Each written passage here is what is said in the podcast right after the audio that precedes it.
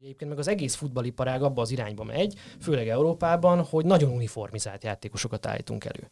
Tehát miközben a magyar utánpótlás is beállt erre az uniformizált gondolkodásra, ahogy te is mondtad, hogy ezeket a gyakorlatokat erőltetik, mert ugyanolyan játékosokat csinálunk, csinálunk szakmányban, közben a, a magyar bajnokság legmagasabb szintjén a stílus, meg a, a, a játékról alkotott felfogás érdemben nem változott meg, éppen ezért azok a játékosokat, akiket mi képzünk, azok erre, azok erre nem lesznek jók, hogy ebből kiemelkedjenek.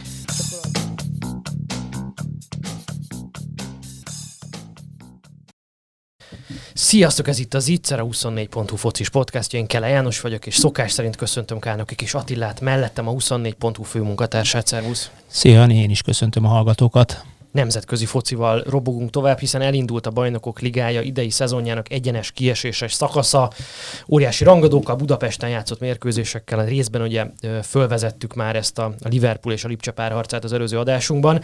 Most egy picit messzebbre tekintünk, és a, az aktualitásokat csak egyfajta vezérfonalként használva arról beszélgetünk, amiről a nemzetközi szaksajtó, vagy amitől a nemzetközi szaksajtó is hangos volt a mögöttünk hagyott héten.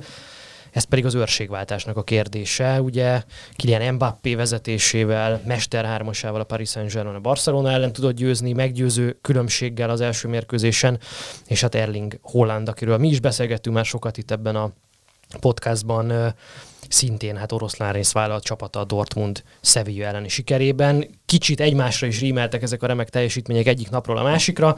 Holland maga nyilatkozta is, hogy nagy motivációt jelentett számára az, hogy Mbappé az előző napon ennyire jól szerepelt és hát ezt sokan úgy fordították le a nemzetközi sajtóban, hogy érik az új Messi Cristiano Ronaldo párviadal, mint hogyha éhezne erre a nemzetközi sajtó, hogy legyen valami versenyfutás a világ legjobb játékosa címért.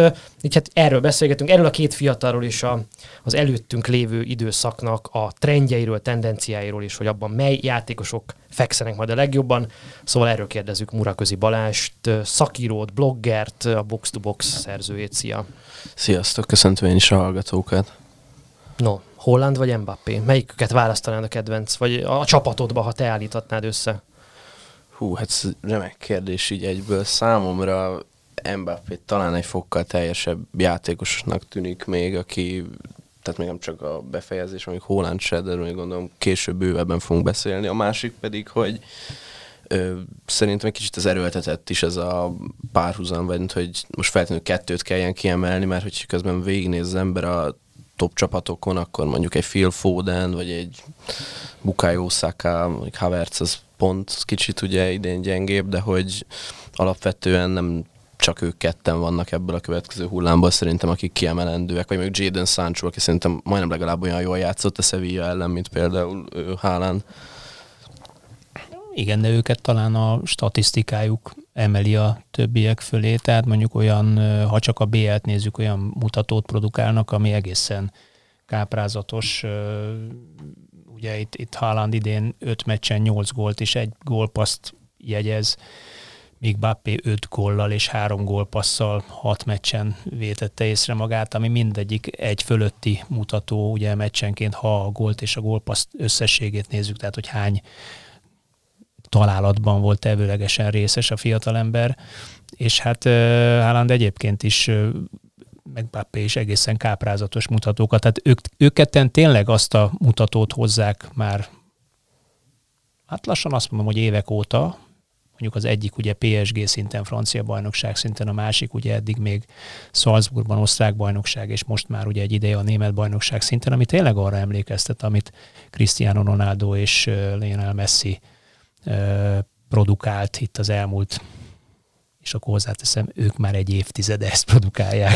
Tehát ahhoz, hogy valaki fölnőjön hozzájuk, ahhoz azért fő kell kötni a gatyát. De ugye igazán sokkoló itt, és nyilván nem lehet az, ehhez az évtizedes vagy másfél évtizedes dominanciához majd, hogy nem hasonlítani ezt, amit Messi és Ronaldo párviadala jelentett, és ami azt gondolom, hogy futball történetileg is egy olyan szakasz, ami, amihez nem nagyon fogható semmi. Tehát a, a számok legalábbis, amiket ők produkáltak, gólszámok, asszisztok, megnyert kupák, az, az olyan szintű játékos dominanciát mutatott, ami, ami korábban a futballban elképzelhetetlen volt. Ennek sok oka van nyilván, és erről nem most fogunk beszélgetni, de hogy ilyen időskorban, amilyen időskorban most Holland, illetve Mbappé van, ugye Mbappé decemberben töltötte be a 22-t, Holland pedig aztán talán elmúlt éppen 20, de hogy, de hogy ő még fiatalabb is, ugye, mint 2000-es. 2000-es, ugye Holland. Szóval ilyen idős korukban megközelítőleg sem tartottak ezen a szinten. Tehát éppen most olvastam egy hírlevélben, hogy Mbappé 136 profi gólnál jár, úgyhogy lényegében 22 éves korára. Ugye nem mentek vissza 2008-nál jobban az időben itt a statisztikusok, de ugye 2008 óta nézzük a nemzetközi mezőnyt, amit mondhatjuk is, hogy releváns, mert ugye ebben az időben jött ez el, hogy nagyon-nagyon fiatalon kerültek mélyvízbe dobásra bizonyos játékosok. A második legtöbb profi góllal ennyi idősen Romelu Lukaku rendelkezett 69-el. 136 vs 69. Igen, de szerintem a, volt egy fél mondatod, amiben van az igazság, hogy, hogy másfél évtized alatt miben fejlődött vagy változott a legtöbbet a futball. Azt mondtad, hogy ennyire fiatalon mély vízbe dobták. A, a modern futball, és ugye erre mondjuk a, a német vagy a német típusú futballképzés leginkább jó példa, azt mondja, hogy 19 éves korára kész kell legyen egy labdarúgó. 19 éves korára képes kell legyen, az igazán jó labdarúgó képes kell legyen Bundesliga szinten, vagy felnőtt első osztályú szinten eredményesen futballozni, vagy tökéletesen beilleszthető kell legyen az adott csapatba. 2005 mondjuk 2000-es évek elején, 2005 magasságáig azért ez a, ez a 19 év, vagy 18-19 év, amit ma mondanak, ez azért igencsak inkább 21-22-23 volt. Igen, de Messi a, kö- körülbelül, körülbelül, körülbelül ott pont nem, igen, ők pont nem, de, de, de akkor inkább ők voltak a kivételek. Most azért azt látjuk, Bundesligában, hát úgy tolják ki a 18-19 éves fiatal embereket a, a, az első csapatba, mint a Sitz, és egészen magas szinten állják meg a helyüket. Nyilván nagyobb a, a hullámzás, teljesítményhullámzás, azért megállják a helyüket vagy a másik pedig, hogy akik sokkal mondjuk hasonlóan berobbantak nagyon fiatalon, mondjuk akik eszembe jut az Rooney, aki viszont hamarabb túl is lett valamennyivel a csúcsán, vagy mondjuk Fabregas, aki szintén hasonló, és ugye... Owen. Owen. De ők, ők inkább a kivételek voltak, Igen, akik kivételek. erősítették azt és a szabályt. nem is tudták azt tartani mondjuk, mint amit ugye nyilván senki nem tudta, mint Messi és Ronaldo, és például Mbappé-nál ugye én azért is őt mondtam, mert mondjuk Holland ugye 19-20-as szezonban kezdett el Ausztriába, ott előbb elkezdett a bajnokság, és akkor mindenki felkapta a fejét, hogy két-három gólt, de Mbappé-nak már van négy top szinten eltöltött szezonja, ugye amikor a Monakóval berobbant, hogy én olyan szempontból őt, mond, ezért hát, mondtam például. Hova tovább világbajnok, amiből Holland valószínűleg sosem lesz. Hát igen, ez mondjuk nem feltétlenül csak rajta múlik. Ha tartja az állampolgárságát, zárójelbe zárva. Az a nagyon érdekes, hogy említettél példákat Balázs, és ez tök jó. Tehát Runi vagy Owen, Fabregas ebből a szempontból talán picit más tészta, de hogy ugye Owen és Runi biztosan egy ilyen fizikai tulajdonságnak köszönhette az, hogy nagyon-nagyon hamar bekerült a felnőtt futball vérkeringésébe. Ugye Runi egy abszolút akceleráltan fejlődő, gyakorlatilag 15-6 évesen felnőtt férfi ember fizikumával rendelkező valaki volt. Elnyomhatatlan volt már az Evertonban, emlékszem, hogy lepattantak róla a profi védők, Tony Adamsek, meg ilyenek. Ugye Owen pedig gyakorlatilag egy sprinter volt. Tehát annyira gyors volt, és az abban a, az időben a futballban még sokkal inkább unikálisnak hatott, mint ma az ő sebessége. És hogy ezért kerültek be nagyon gyorsan, tehát, hogy volt egy olyan fizikai attribútumok, ami kiemelt őket a, a tömegből, a felnőttek között is. Mbappénál is ez nagyon-nagyon adja magát, mert hogy ő is elképesztően gyors. És azért ez látszik is, hogy erre egyrészt a francia válogatott is ö, tudatosan játszott, meg játszik rá, hát a Monaco pláne, és aztán ez a Párizsban is ö, látványos. És hát ugye Hollandnál sem lehet azt mondani, hogy egy átlag jóska, mert hát már csak fizikumra, magasságra, mindenhogyan azért látszik, hogy nem egy átlagos 20 éves vagy 20 egy éves fiatalember. Hogy látod, hogy ez az elsődleges ok annak, hogy ők ennyire hamar berobbantak, vagy itt az ennél több van, és a, és a foci trendje is magyarázzák ezt? Hát Hollandnál például szerintem azt mindenképp meg kell említeni, hogy ő nem mindig számított ilyen accelerált gyereknek. Tehát azt hiszem, ilyen 15-6 éves korában volt egy nyár, vagy egy év, ezt olvastam róla, hogy akkor rohadt sokat nőtt, és nagyon tehát magasabb lett, mint a kortársai, hogy azelőtt ő például egy ilyen tízest játszott, meg egy szélsőt, aki sokkal inkább a kreativitásából élt, és ugye akkor, amikor ö, ez megtörtént, ez a hirtelen növekedés, ugye az akkor alakult át kvázi hasonló játékosra, mint most, és tényleg már mikor ugye elkezdődött az ő neve felmerülni a köztudatban, tehát mondjuk ott még a Salzburgos időkben, hogy ott is hihetetlen volt, ahogy konkrétan nagyon fiatalon egy olyan fizikummal bírt, amivel bármilyen védő ellen, akár erőből, akár gyorsaságból, mert szerintem ami nála még nagyobb erősség az a gyorsaság, amit nem feltétlenül gondolnak, hogy sokkal kevésbé el, mint mondjuk Lukaku például a, az, hogy beáll háttal az ellenfélnek, hanem neki a tökéletes ütemű és ö, tehát tökéletes ütemű beindulásai azok, amik szerintem elemelik elsősorban a többiektől. Én néztem ilyen statisztikákat, meg keresgéltem, ugye azt mondják, hogy Bappé a világ leggyorsabbja, ugye 36-38 km per órás sebességet is mértek nála, illetve volt egy ilyen összehasonlítás, még azt talán egy tavalyi cikkbe találtam, meg egy Le Figaro-s cikkbe, vagy nem tudom milyenben, hogy hogy ugye a, olyan sebességgel képes futni, mint ahogy egyébként a 958-as világcsúcsánál uh, futott a, a Usain Bolt átlagosan, tehát egy ilyen, ez, ez körülbelül ez a sebesség, ami... az a csúcs sebesség. Igen, ami, ami a átlagosan. Tehát ugye az azt jelenti, hogy mondjuk ahogy, ahogy a, a Bolt úgy, úgy 40 50 között fut, meg utána kezd el igazán gyorsulni, addig emelkedik a, az ember, ő meg utána kezd igazán gyorsulni, de, de ugye a futbalistáknál az a jellemző, hogy, hogy az első 5-10 méter is rendkívül gyors, robbanékonynak kell lenni, sőt, annak a az a lényeg. Igen. És ebben a legjobb. Hát ebben, ebben, ebben elképesztő. És itt, itt azért a, a sebesség, és ugye csatárokról beszélünk, és a csatár korszakváltásról, meg hogy miben különböznek talán ők, vagy miben hasonlítanak. Itt a, seb- a nagy sebességgel való támadó harmadba érkezés, vagy az elmozgások, és az ott megkapott labdáknak a megjátszásában ők egészen extrák. Biztos emlékeztek rá, a Mappinak volt egy, egy olyan gólya, azt is szételemezték, hogy, hogy egy kontratámadásnál saját 16-osától az ellenfél 16-osáig mennyi idő alatt érkezett el, ott valami 11 másodperccel, vagy valami ilyesmit néztek, és ahol 60 méteren nem az a, az a, az a halannál volt, hogy 60 méteren 6-65-ös sebes, sebességet ért, ami konkrétan atléta idő. Igen. Tehát olyan, olyan sebességgel képesek futni ezek az emberek, mint egy-egy mondjuk átlagosnál kicsit jobb atléta rövid távfutó, és eközben tudnak úgy bánni a labdával, ahogy bánnak, és úgy érkeznek oda. Zárójelben, kell legyen ember, aki oda is rúgja nekik. Igen, Mbappéról beszélgessünk még egy picit, mert vannak ezek a nagyon szembeszökő tulajdonságai, mint a gyorsaság, meg a robbanékonyság, vagy a cselezőkészsége. Számomra ő is, főleg a Párizsi időszak alatt, én nem voltam egészen biztos abban a Monakóban látva őt, hogy ő több tud lenni egy ilyen kontra játékosnál, mert ugye azért ez mindig csalók egy kisebb csapatban, valaki a gyorsaságában megmutatja magát, belövöldözik neki a védők mögé a labdákat, hogy utánuk fut, berugdossa. Azért láttunk ilyet sok mindenkit, nem feltétlenül 17 éves korában, mint ugye Mbappét, de vagy 18, de azért előfordult ez már korábban. Amiben nekem nagyon-nagyon nőtt a szememben Párizsban, hogy nem, tehát annyira sokoldalú lett, és valószínűleg ez előtte is benne Fejlődik. volt, hogy nem tudsz elne védekezni. Tehát ő visszalép, a, véd, a két védővonal közé fölveszi a labdát, akkor kilépnek rá, akkor megver, megver egy az egyben, ha kilépsz rá. Ha nem lépsz ki rá, akkor, akkor fölveszi a labdát, megfordul rá, gyorsít, megver egy az egyben ha kihúzza valaki más visszamozgása a védeket, ő mögéjük sprintel és belövik a, a védelem mögé, és utoléri belövi. Tehát egyszerűen annyira sok rétű a játéka, és annyira mindent tud, amit egy, egy támadónak tudnia kell. Most az, hogy középen is meg tudja csinálni, szélen is meg tudja csinálni, rávezetésből, helyből, fantasztikus egyszerűen, és valahogy nem látom a gyenge pontját ennek a srácnak, de ha van, akkor azt most mondd el Balázs, mert nagyon kíváncsiak vagyunk rá.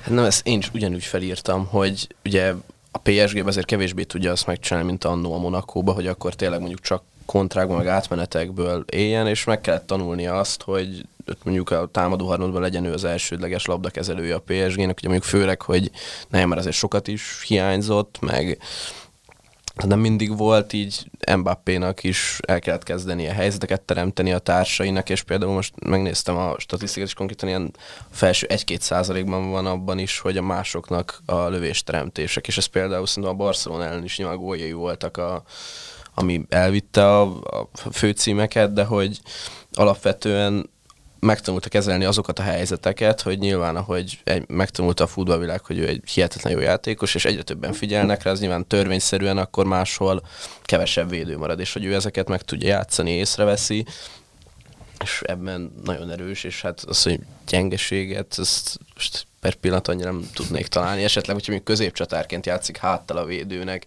nem a legjobb, de hát azt pont amit mondtál, hogy el tudja kerülni, hogy ne, ne legyen olyan helyzetben, ami neki nem áll jól. Az jutott még most eszembe, ez sem gyengeség lesz, egy másik erősség.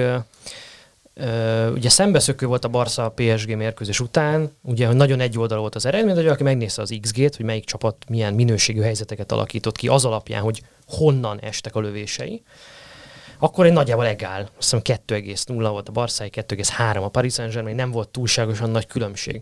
Most én megnéztem ezt az úgynevezett post-shot XG-t, ami ugye nem azt mutatja, hogy honnan eresztették el a lövést, hanem hogy a kapunak melyik részére érkezett, mert egy igazán jó játékos, hogy attól nagyon jó játékos, hogy adott esetben kevésbé értékesnek tűnő helyről is tud olyan lövést megereszteni, ami a ficakba megy, és hát azt kapus legyen a talpán, aki kivédi. Ez ugye a klasszikus XG-ben alacsonyabb értéket kap, de hát ebben a post-shot XG-ben meg nagyon magasat, mert jó helyére ment a kapunak, és hát ebben kétszeres különbség volt. Tehát a Barca ugyanazt hozta a post-shot XG-ben, mint a sima XG-ben, vagyis a játékosai nem voltak képesek értékesebbé tenni a helyzeteiket, a Paris Saint-Germain megduplázta. Elsősorban Mbappé révén, aki kiszorított, meg nem olyan értékesnek tűnő helyzetekben, és a kapunak olyan felületét találja el, amitől az az adott helyzet baromi magas minőségű lesz. Itt, itt kezdődik nálam a világklasszis. De egyébként én arra, arra kíváncsi lennék, hogy szerintetek minek köszönhető ez. Ez ugye egy, egy ösztönös tudás, így született, gyors, fantasztikus labdaérzék, fantasztikusan érzi a kaput, elképesztően jól rugó technikája van, kész, így született, könyveljük el, vagy bizonyos vele született képességeket lehet olyan szintre fejleszteni, amiből valaki világklasszissá válik. És ha igen, akkor ezt hogy lehet megtenni? Nálunk Magyarországon például miért nem születnek világklasszis csatárok? Hát befejezésre értve, vagy, vagy... Támadókra, igen. Szélső támadók, ugye Bappé is játszik azért alapvetően szélről indulva is, mondjuk a, a Holland az inkább, inkább klasszikus középcsatárt játszik, de, de de nálunk miért nem születnek ilyen fiatal emberek? Erről beszéltünk kicsit a felvétel előtt is, és szerintem ez nagyjából arra vezethető vissza, hogy ugye beszéltünk arról, hogy mondjuk Haaland hogy nőtt meg, vagy ilyen Mbappé milyen emberfeletti sebességgel rendelkezik, és hogy szerintem ez itthon is felfedezhető, nyilván itt is vannak magas erős gyerekek, csak ők mondjuk ebben a 17-8 17-8 éves időszakban mondjuk kritikus, ők akkor még nem kapják meg azokat a taktikai mankókat, ami által még határ, vagy még hatékonyabban ki tudnák eszközölni az ilyen képességeiket, és hogyha mondjuk tényleg a védők is még hasonló kilóban vannak, és a súlyban vannak, akkor nyilván ez az előnyük elvész, viszont az ott marad, ami mondjuk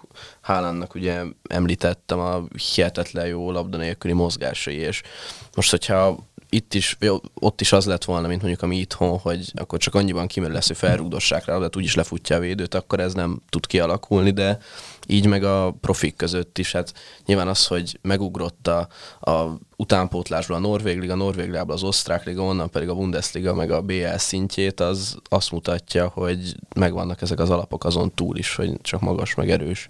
Azért ezt tegyük hozzá, ezt saját tapasztalatból mondod, mert végigjártad a adott városodban a, futball utánpótlásnak a, a ranglétláját, tehát Én körülbelül, tudom, körülbelül, is. körülbelül van rálátásod. Föl tudtad rúgni legalább, vagy valami hasonlót? Ilyen pontos emlékeim nincsenek, de amúgy nekem ez abszolút tapasztalatom, meg ha mondjuk nézünk ö, utánpótlás tornákat, tehát ott is mondjuk a kisebb szinten talán még jobban felvesszük a versenyt, mint ahogy pedig elérünk az U19-21-es szintre, ahol pedig egyre inkább leszakad a, leszakadnak a magyar fiúk. De ez, ez képzésbeli probléma, vagy csak taktikai képzésbeli probléma, vagy pedig technikai és fizikai képzés, vagy, vagy kondicionális képzésbeli probléma is? Hát szerintem az előbbi az abszolút, a másik az én személy szerint annyira nem értek, tehát azt nem tudom, hogy mondjuk Mbappé-n azt szerintem nagyon látszik, hogy egyre többféle befejezésmódot emelt be a, a repertoárjába, és hogy ez pedig nyilván a képzésnek köszönhető, mert mondjuk a Monakóban, ugye amikor szinte csak balszérről indultak, nagyon sokan Henrihoz hasonlították ezekkel a belsős, hosszúba eltett labdáival, azóta a PSG meg mindenféle gólt tud lőni, tehát most is ugye a rövidben, amit fellőtt a Barszának, vagy amit eltekert felsőbe, hogy Egyszerűen ilyen szempontból sem nagyon van gyenge. Én, én olvastam egy tanulmányt, ahol, ahol nem magyar, hanem egy külföldi tanulmányt, ahol ugye azt taglalták, hogy a, a csatár rock lélektana és a csatárjáték lélektana az annyira egyedi, hogy jószerével már-már, mint a kapusokat, külön veszik a, a, a képzésüket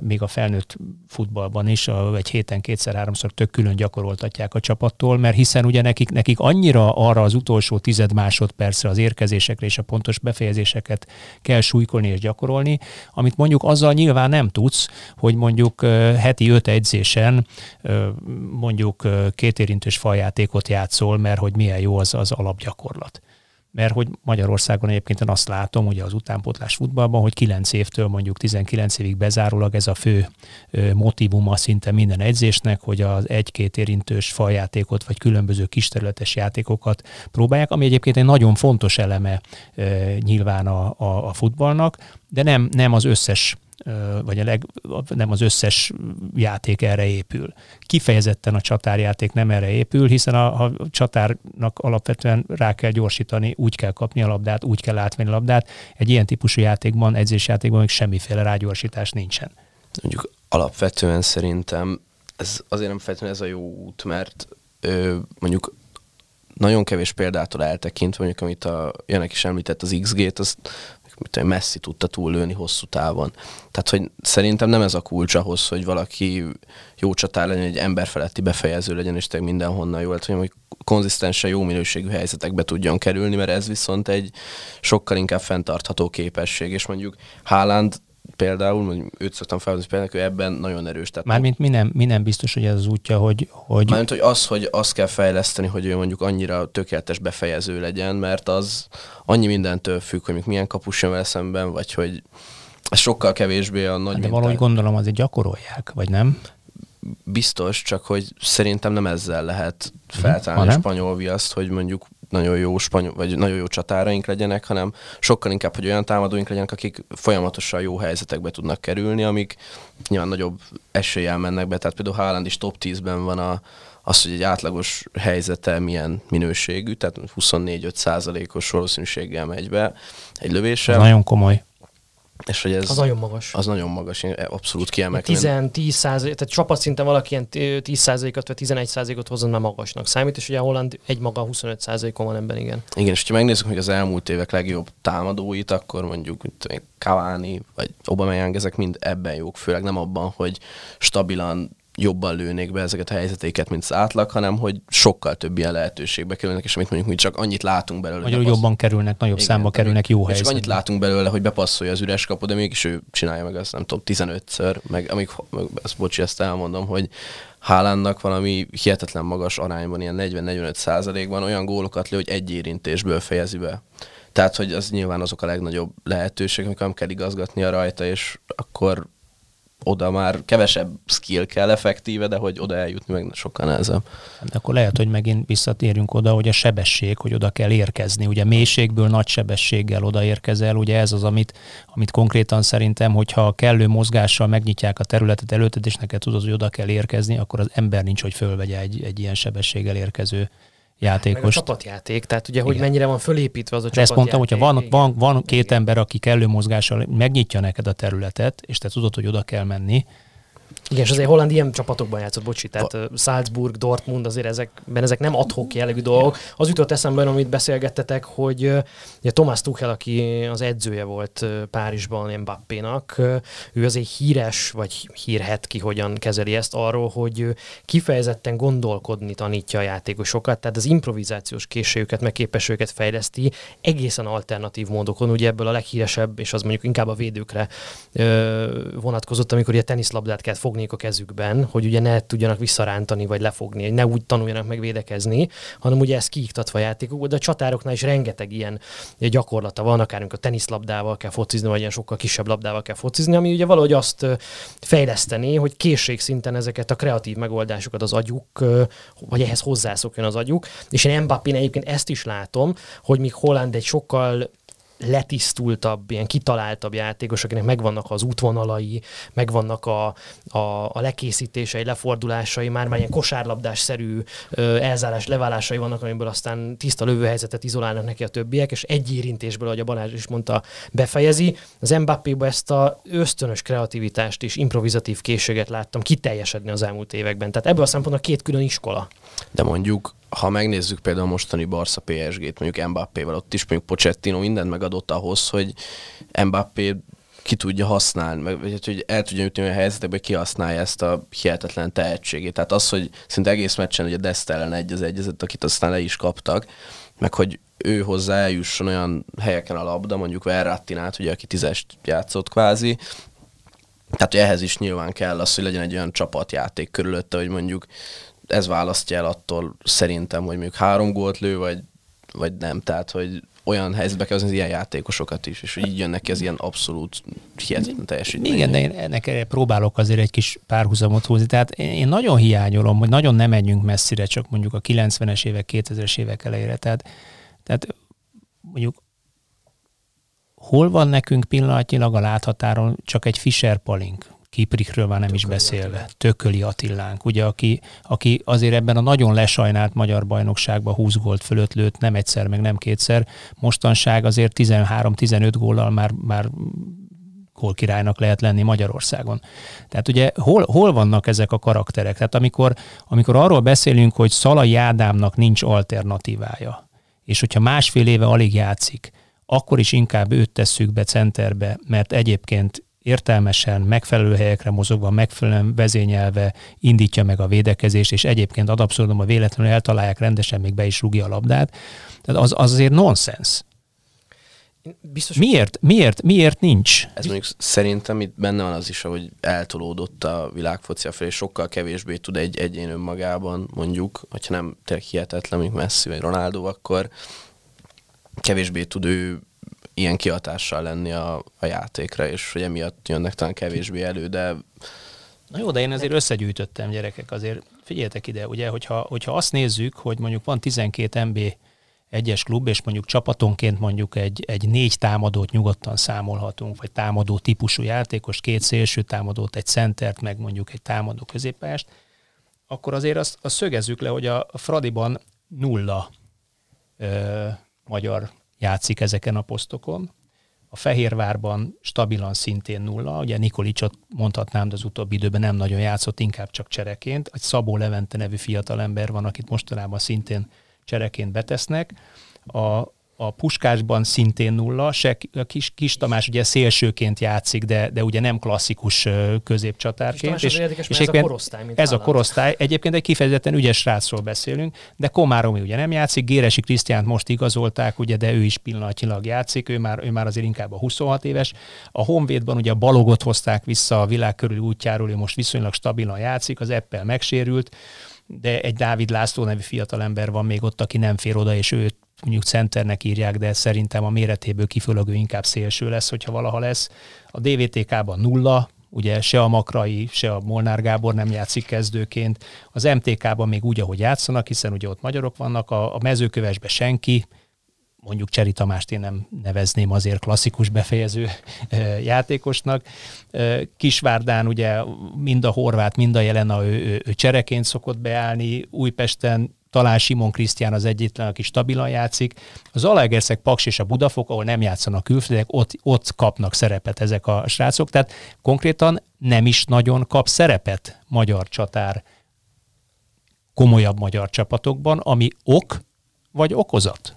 Hát én biztos nem tudok rá válaszolni, lehet, hogy a Balázs majd tud rá válaszolni. Én azt akartam mondani még az előbb, és az lehet, hogy egy tök lég, légből kapott dolog, de amikor én még, né- most idén nem nagyon néztem magyar meccseket, vagy magyar bajnoki meccseket, akkor az elmúlt pár évben nézegettem, meg ugye 24-en is futott egy ilyen rovatom, ahol elemezni próbáltam több, kevesebb, inkább kevesebb, mint több sikerrel ezeket a meccseket.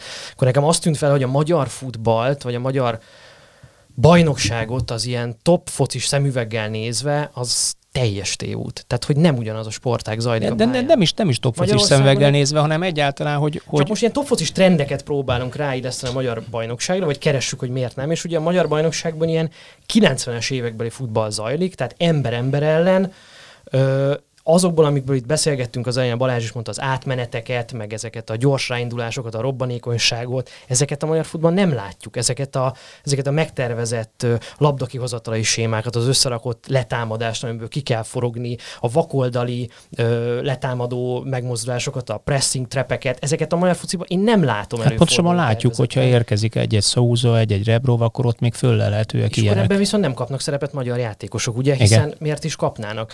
És azt látom, hogy hogy ugye van... De azért nem kapnak, mert nem tudják megvalósítani? Mert amit, vagy- amit te is mondasz, hogy taktikailag nem elég ö, érettek, felkészítettek, nem azt mondom, hogy érettek, ez egy olyan hülye szó elcsépelt, vagy föl van készítve egy sportoló arra, hogy megfelelően szinten szerepeljen, vagy nincs fölkészítve arra. Bi- valószínűleg részben ez is igaz lehet, és ezt nem csak én mondom, hanem olyanok is mondják, akik benne dolgoznak a sportákban, vagy ez többször elhangzott. MLS oldalról elmondják, hogy a játékos, az utánpótlás edzők színvonal, általános színvonalában van baj. Tehát ez már MLS-es szinten be lett ismerve, tehát akkor feltételezhetem, hogy valószínűleg nincsenek erre a nemzetközi szintű taktikai érettségre fölkészítve a fiatal játékosaink, hiszen ezért nem elég jó színvonal az utánpótlás edzők kollektíva az MLS szerint. De ugye az is látszik, hogy miközben ugye a felnőtt focink nagy átlagban megmaradt ezen a 90-es évek végi, 2000-es évek elejé stílusban, meg az akkori trendekben, eközben mint hogyha nem olyan játékosokat állítana elő most már a, az utánpotlás rendszerünk, főleg, főleg a magyarok közül, akik ebbe jó. Tehát, hogy, tehát nem, nem tököli Attilákat képzünk, meg, meg Horváth Ferenceket, akikre sok rosszat is lehet mondani nyilván, de hogy bennük volt valamilyen ilyen csatárvér, vagy nem tudom, ez a csibészség, szóval szokták, hogy falra mászok ezt megfogalmazni, de hogy, és erről Wenger beszélt, hogy egyébként meg az egész futballiparág abba az irányba megy, főleg Európában, hogy nagyon uniformizált játékosokat állítunk elő. Tehát miközben a magyar utánpótlás is beállt erre az uniformizált gondolkodásra, ahogy te is mondtad, hogy ezeket a gyakorlatokat erőltetik, mert ugyanolyan játékosokat csinálunk, csinálunk szakmányban, közben a, a magyar bajnokság legmagasabb szintjén a stílus, meg a, a, a játékról alkotott felfogás érdemben nem változott meg, éppen ezért azok a játékosokat, akiket mi képzünk, azok erre, azok erre nem lesznek jók, hogy ebből kiemelkedjenek, és akkor az Ivzivadze jön Grúziából, vagy nem tudom. Tehát, hogy aki meg ezen a szinten, ja, kiemelkedő játékos volt, nem tudom, mezőköves, de Hát igen, ott még talán, de Fehérváron már nem annyira. nem tudom, nem jutott eszembe a másik név, nem tudom, kit, kit lehetett volna. Jurina, Igen, köszönöm. mondok neked.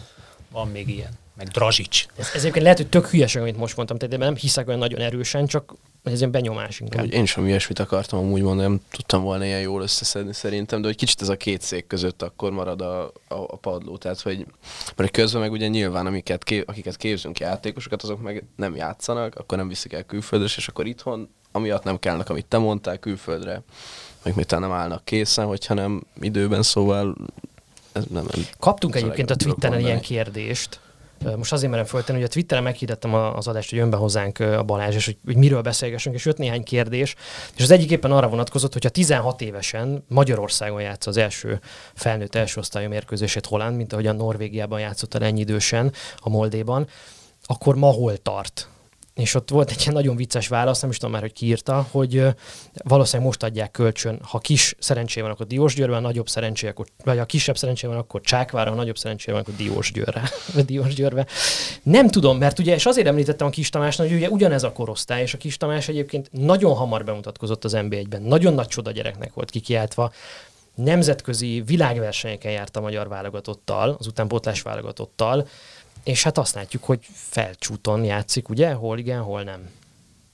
De igen, de egyébként, egyébként játszik, és nem is játszik rosszul szerintem. De talán, talán ugye ez már egy másik téma, ez ugye a játékos menedzselés témája, hogy, hogy mire van, nem is azt mondom, hogy rákényszerítve, inkább berendezkedve egy adott országnak a futballkultúrája, hogy arra van berendezkedve, mint mondjuk ez a, ez a Salzburg-Lipcse vonal, hogy még a Lipcsében is olyan kivásárlási árat szabnak, hogy a pillanatnyilag a transfermark ö,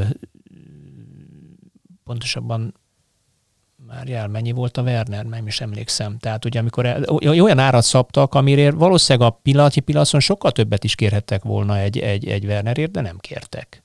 Vagy mondhatnám a Haalandot, aki 110 milliót ér pillanatnyilag a transfermárk szerint, egyébként meg 20 ér adták oda.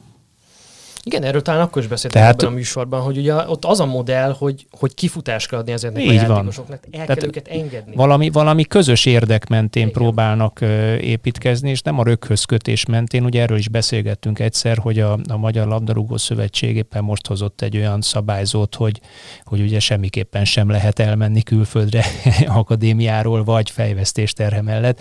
Tehát ugye van egy ilyen röghöz kötés típusú, mert ugye attól félnek, hogy nem kapják meg a pénzt érte, miközben egy 20-21 éves magyar játékos, még hogyha játszott 50 első osztályú meccset, akkor sem ér többet 300 ezer eurónál, amennyi egyébként pont a nevelési költség.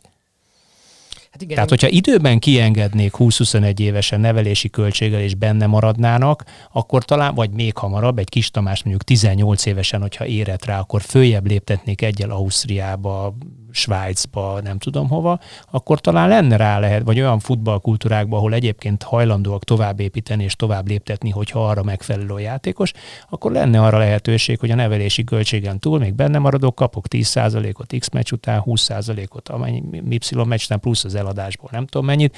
Tehát egyfajta olyan, olyan olyan kereskedelmi gondolkodás kellene, ami egyébként a sportolót is egyre följebb lépteti, ha annak, ha annak megfelel annak a színnek az ember. Ennek szerintem egy feltétel van, és biztos önmagamat ismétlem, mennyiség.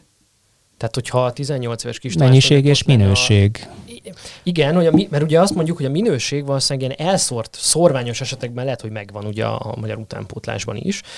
Csak hogyha a 18 éves kis Tamás mögött nincs ott a 16 éves kis Tamás, meg a 18 éves kis Tamásból csak egy van az egész országban, nem pedig 30, akkor ugye sokkal nehezebb megtenni ezt, amit te most mondta, hogy mondjunk le a potenciális nagy haszonról, és adjuk el 300 ezer euróért gengbe, ahol focistát csinálnak belőle, és genket mindenki figyeli, mert olyan utánpótlás, meg, meg scouting műhely van ott, hogy aki gengbe kikerül, azután biztos, hogy egy topligába tovább tud menni.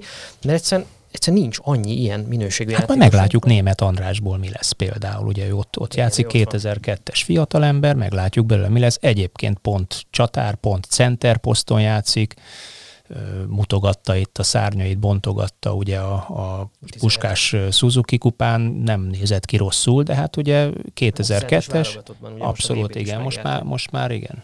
Hát meg a másik, hogy nem feltétlenül vannak a magyar klubok rákényszerítve, hogy ő eladják az ilyen játékosokat, mint mondjuk, nem tudom, Hollandiában a legtöbb klub így van mondjuk a tetejét leszámítva, hogy... Van olyan klub, ahol igen, tehát az konkrétan tudom, az MTK-nak a költségvetésébe beépített tétel a játékos adásvételből való bevétel. Tehát ez, ez konkrétan tudom, ott úgy van kitalálva, hogy nekik muszáj egy-két évente tisztességes pénzért eladni játékost külföldre.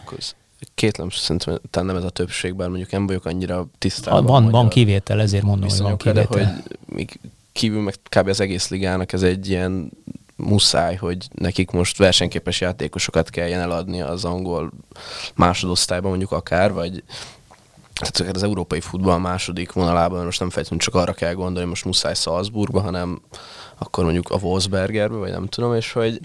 Ez, ez egy nagyon érdekes, amit mondasz. Ezt akartam kérdezni, hogy én közben azt látom, hogy kialakult a nem is kasztrendszer a, a, a nemzetközi ilyen labdarúgó piacnak, de van egy ilyen most már kicsit ilyen betokosodott munkamegosztás. Ugye ahogyan a, mondjuk a francia bajnokság az a Premier League-nek az előszobája, és igazából a Premier League-nek termelik a játékosokat, úgy a francia bajnokságnak termeli a játékosokat a belga bajnokság, de a belga bajnokságnak már nem kell játékos termelni, mert ők a volt gyarmataikról, meg a kiterjedt nemzetközi scouting hálózatukkal egyrészt nagyon fiatalon megszerzik a potenciális jó játékosokat, 15-6 évesen, másrészt ugye van egy olyan nevelési kultúra az országban, ott is ugye végbe ment a 2000-es évek elén egy viszonylag nagy foci reforma hazai rendezésű Európa bajnokságon történő leégés után, ugyanez Ausztriában is megtörtént 8 évvel később, tehát ők maguknak ezeket a játékosokat, egy Wolfsberger, egy Rapid, egy Linz, ezeket kineveli magának, ők nem fognak eljönni az MTK-ba, vagy nagyon-nagyon, ahhoz nagyon-nagyon jónak kellene egy 16-17 éves MTK felcsút Diós játékosnak, hogy hogy fizessen érte a Wolfsberger vagy a Linz. Hát vagy korábban kell elengedni, mint ahogy a Szoboszlai példa is Pontosan. mutatja, hogy van egy 16 éves, ugye felnőtt korban már igazolható játékos, akkor azt úgy kell menedzselni 14-16 között nemzetközi tornákra ide-oda, hogy 16 évesen át tudjam adni. És itt és megint az, meg az és ezt tiltotta meg az MLS, pontosan. Tehát ugye, ugye ebben én érzek egyfajta, hát nem azt mondom, hogy, hogy butaságot, inkább azt mondom, hogy logikátlanságot. Tehát ugye a, miután a versenyrendszerünk nem olyan erős, hogy megfelelően képezze a játékost, miután elismerten a, a, az edzői állományunk átlagos színvonal nem olyan erős, hogy megfelelő minőségben képezzük a játékosokat, akkor mi lenne a mód? Az, hogy akiről azt látjuk, hogy átlag feletti, azt időben tovább léptetjük erre megvannak a közeli országokban, vagy meg lennének a közeli országokban lehetőségek, és itt csatolok vissza, itt csatolok vissza Halandra, mert azért mondjuk azt nem lehet mondani, hogy abban az országban, ahonnan ő jött, olyan gyenge futbalisták nőnek ki, de onnan sem jönnek ki töménytelen mennyiségben. Ellenben apja, ugye, aki szintén válogatott, kiváló válogatott labdarúgó volt, azt mondta, ráadásul hihetetlen angol piaci ismerete, hiszen a Nottingham Forest, a Leeds United, és talán még a Manchester City-ben is játszott, ugye egy, egy komoly, sokszoros válogatott labdarúgóról van szó, igen. Nem Angliába vitte, hanem azt mondta, figyelj, Salzburg az a, az, igen, az egyik legjobb. 5 tehát, vették ugye igen, annak igen. idején már az Salzburgba, tehát az sem 5 millió vették, másfél év után tettek vissza 20 ér, és egyébként most majd ugye tovább fogják léptetni nyilván, és szinte biztos, hogy benne maradtak igen, egyébként. Háromszor, az... négyszer szorzó megint a kivásárlási árán, és így is olcsóbb lesz. Jövő év. 22 nyarán, igen. Aktiválódik. Én azt, azt nem értem ezzel kapcsolatban, és utána mondd el Balázs, ami, ami eszembe jutott, nem akarom belét folytani a szót. Az jutott eszembe, hogy Szóval nyilván nem az van, hogy mi itt, vagy pláne én ilyen rettendesen okosak lennénk. Tehát, hogy ezek nem, ez nem, amiről itt beszélünk, szerintem atomfizika. És akkor mindig az jut eszembe, hogy ezek nemzetközi minták. Látjuk, akkor azok, akiknek ez a munkája, azok tényleg nem látják ugyanezt, amit mi nem én... akarják látni, vagy nem láthatják ugyanezt? Én, én sok, sok lab, magyar labdarúgó szereplővel, főszereplővel beszélgetek, ők, ők látják ezt, de valahogy, valahogy a rendszer olyan tehetetlenséggel működik, hogy, hogy mégsem lépik meg. Hát Más nem, nem csinálja, én sem meg, csinálom. Hanem, Tehát nem, nem tudom. lépik meg, hanem az ellenkezőjét lépik meg. Hát ezt, én, nekem ez nem fér a fejembe. Nem ezt akartam, az, hogy támogatnák ezt, meg ösztönözni a magyar rendszer, hogy, ami, hogy ez történik, amit előbb elmondtuk, sőt inkább megtiltja, és hogy de kezdve meg... Valami, valami furcsa ábrándot kergetnek. Tehát egy, hogy egy konkrét példát mondjak. Ugye a, a Urbányi István, akit éppen most távolítottak el a, a Honvéd mi volt, ő sportigazgatói posztjáról, ugye konkrétan tudom, a gazdag Daniér igen komoly ajánlat érkezett török első osztályból. És nem engedték el. Azt mondták, hogy Danikám, tehát majdnem millió euró közeli, ami azt gondolom, hogy magyar játékosért egészen extra. Nyilván a játékos is jobban. Nem engedték el, és azt mondták, hogy EB, válogatottság, és majd utána még többért. Tehát olyan dolgokra álmodunk állandóan, és ezt annak idején, mint a Várszegi kezdte el, tehát a Várszegi az ugyanígy röközkötötte a játékosait, az utánpotlás játékosait, Filkor Attillát, Varga Ropit úgy csempészték ki lényegében az országot, az egyik Máltán keresztül, a másikat meg nem tudom, Cipruson vagy hogy keresztül ugye vitték el, az egyik a Bressába ment, a másik meg nem is tudom melyik olasz klubhoz szintén. Inter, Interhez, igen. Igen, igen tehát ugye, ugye úgy, úgy csempészték ki az országból, tehát akkor is megvolt ez, hogy, hogy, hogy a, legenda szerint ugye úgy zajlott a tárgyalás, hogy jöttek az Inter képviselő, és azt mondták, hogy 500 ezer euró. És akkor ült a két menedzserfiú a Fotek székházban, és telefon, sajnos nem. Mennyi? Egy millió. De hát az, az nagyon sok. Hát még két-három, és azt mondja idő hogy jó, jó, de kivel beszélget? Hát a tulajdonossal itt ül négy emelette följebb. Ja, köszönjük szépen viszontlátás. És akkor elmentek, és kicsempészték lényegében nevelési költségére a fiatalembert. Igen, Utána pereskedtek velük, meg mit még azt se fizették, hogy szívassák őket, azt nem tudom, három-négy év múlva megnyerték a pert. Neki de... párszor legalább összejött, mert a német Krisztiánik legalább 2 millió eurója ment, állítok 2 millió eurója ment, tehát legalább egyszer összejött. Igen, valami. igen, de, de olyan dologról álmodunk, tehát a nemzetközi piac szintjéről álmodunk, ugye ezekről az 5 meg 20 milliókról, ami, ami kristálytisztán látszik, hogy a magyar piac hova van beárazva. Tehát, hogyha a magyar piac be van árazva a 300 eurós felnőtt játékos értékre, abból nem lehet 3 milliót csinálni egy nullával többet egyik pillanatról a másikra. 5-6 év nagyon szorgos, alapos, átgondolt munkájával, sok-sok tehetséges 16 éves játékos kiengedésével, amiből 2-3 bejön mint Szoboszla, és azokra lehet hivatkozni, és az már a reputációt növeli majd, és talán tíz év múlva elérsz oda egy nullával többet kérhetsz érte. Pont azt akartam mondani, hogy ezért jelenleg mondjuk egy gazdag az inkább a kivétel, mint a... Hát abszolút. A és, hogy, és hogy akkor abból az egy kivételből akarnak, tényleg amit mondtál, hogy írtózatosan nagyot nyerni, a hát, helyet, hogy lenne még... Több. De, de miközben, de miközben, miközben az egy millió euró, ugye pillanatnyilag a Honvéd költségvetésének szerintem 10 százaléka. Tehát még csak azt sem mondom, hogy egy, egy akkora összeg lenne, amire, amire úgy, úgy, ó, hát ez nagyon kell nekünk. Tehát honvéd költségvetésnek a 10%-áról beszélünk.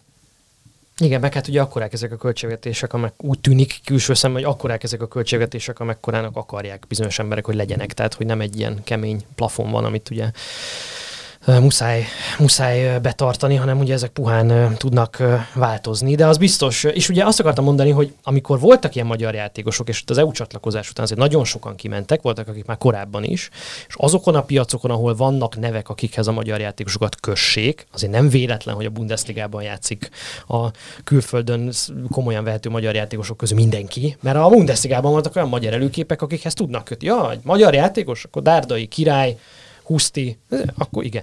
Amikor ugye Gera Zoltán kiment Angliába, és befutott, és ismert név lett, akkor érdekes módon egy halmosító kezdve, mindenkit el lehetett tanulni legalább a championship Tehát nem, nem találta olyan béna NB1-es futballist, tehát hogy legalább a championship ne tudták volna kirakni. Most már nincs senki nincs Angliába 6-8 éve.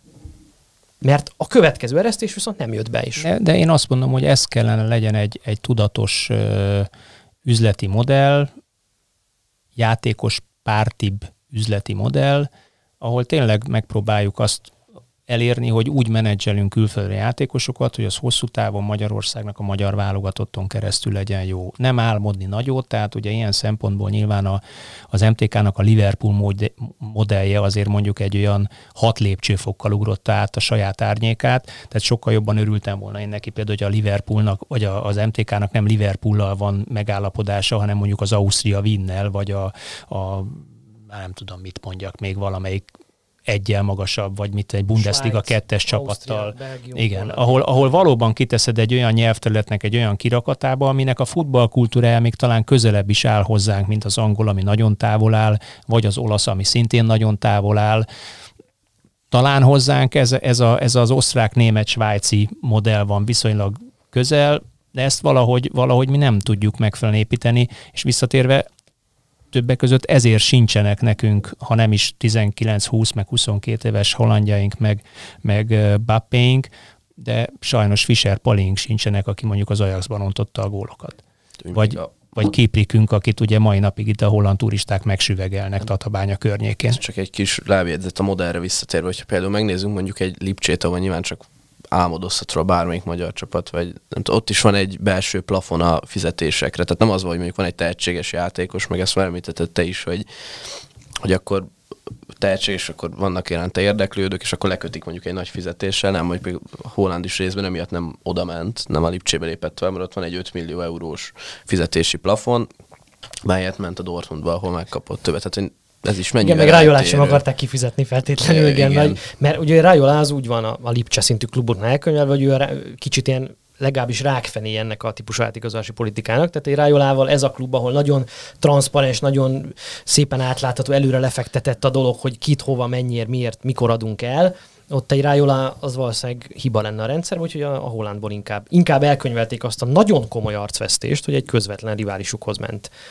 Holland, jó persze Szoboszlajnál nem akarták ezt a hibát már, már elkövetni egyébként. Talán nem volt azért akkor arcvesztés, pont azért, mert ők is ugye igazolták komolyabb összegér, 5 millió euróért, és nem, nem klasszikusan a saját U15-6-os korosztályokból nőtte ki magát. Na, egy, egy kérdésre még szeretném, hogyha válaszolnátok, és ezzel visszatérünk a, a műsorunk felütéséhez, tehát Mbappéhoz és Hollandhoz.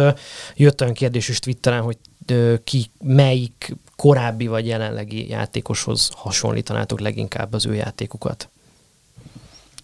Hollandot én leginkább, mondjuk itt, hogy néztem róla a videókat, nekem kicsit egy erősebb Aubameyang jutott eszembe mhm. ebből a szempontból, nagyon jó helyzetekbe kerül, nagyon gyors, és igen, de Aubameyang mozgása szinte zenélt a Hollandéhoz képest, aki szerintem mint egy tigris tank. Ez is Egy tigris tank Porsche motorral.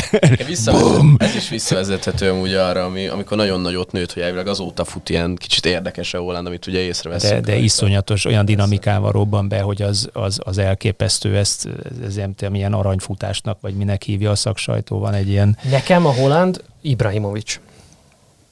Hát szerintem sokkal kevésbé technikás. Meg... Sokkal kevésbé technikás, de, de, de van, van valahogy a... Tehát ahhoz képest, hogy milyen magas, ahhoz képest amilyen gyors amilyen okos mozgás van, az engem a fiatal Ibrahimovicsra emlékeztet, meg, meg van, egy, van ez az infantilizmusában is van valami Ibrahimovics. Tehát, nagy meg, idolja amúgy, azt hiszem. Ha megfigyelitek a nyilatkozatait, lehet, hogy rá is ha. játszik, de van benne egy ilyen, nem ez a, nem ez a öreg Ibra, aki már ilyen pojácás. De Ibra hanem... fiatal korában se futott ilyen sebességgel szerintem, tehát mondjuk ilyen szempontból azért van némi, némi előnye vele szemben, meg az Ibra Ibra egy ösztönös zseni szerintem, tehát az valami elképesztő.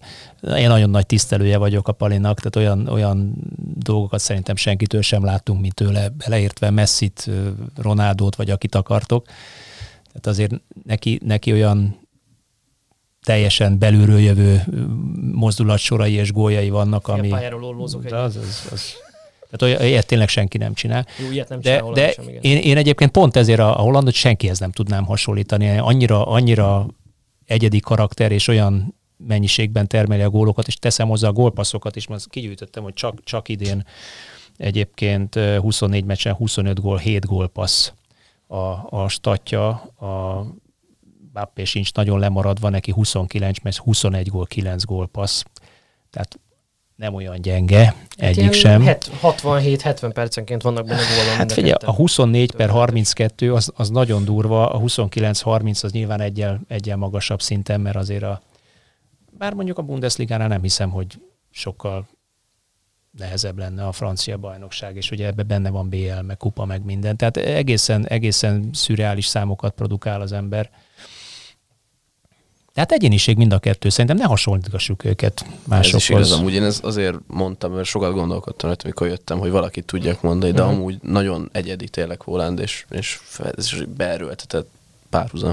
Mindegyiknek megvan a, a saját maga stílusa, karakterisztikája, ami, ami tényleg csak, csak rájellemző. Én nem, nem, is, nem is akarnék másokhoz hasonlítani. Maximum tényleg ilyen, ilyen matematikai vagy statisztikai összevetések lehetnek, hogy vajon meddig tudják ezt a szintet tartani, vajon utolérik-e azt, hogy Messi most már is tudom 15. éve még mindig egy 22-es, jól emlékszem, ez volt a szám, 1.22-es meccs per gól per gólpassz statisztikája van, ami... És már évek óta ugye lejtmenetben van. Igen, állítólag, igen. Ha valaki nem figyelt volna elég. És most már úgy rugdossa hasonló statisztikákat, hogy nincs mellette Neymar, és nincs mellette Suárez, aki kicsikét is levenni a terhet a válláról, vagy megosztaná legalább a védők figyelmét. Nyilván ezért is hullámzóbb a teljesítménye.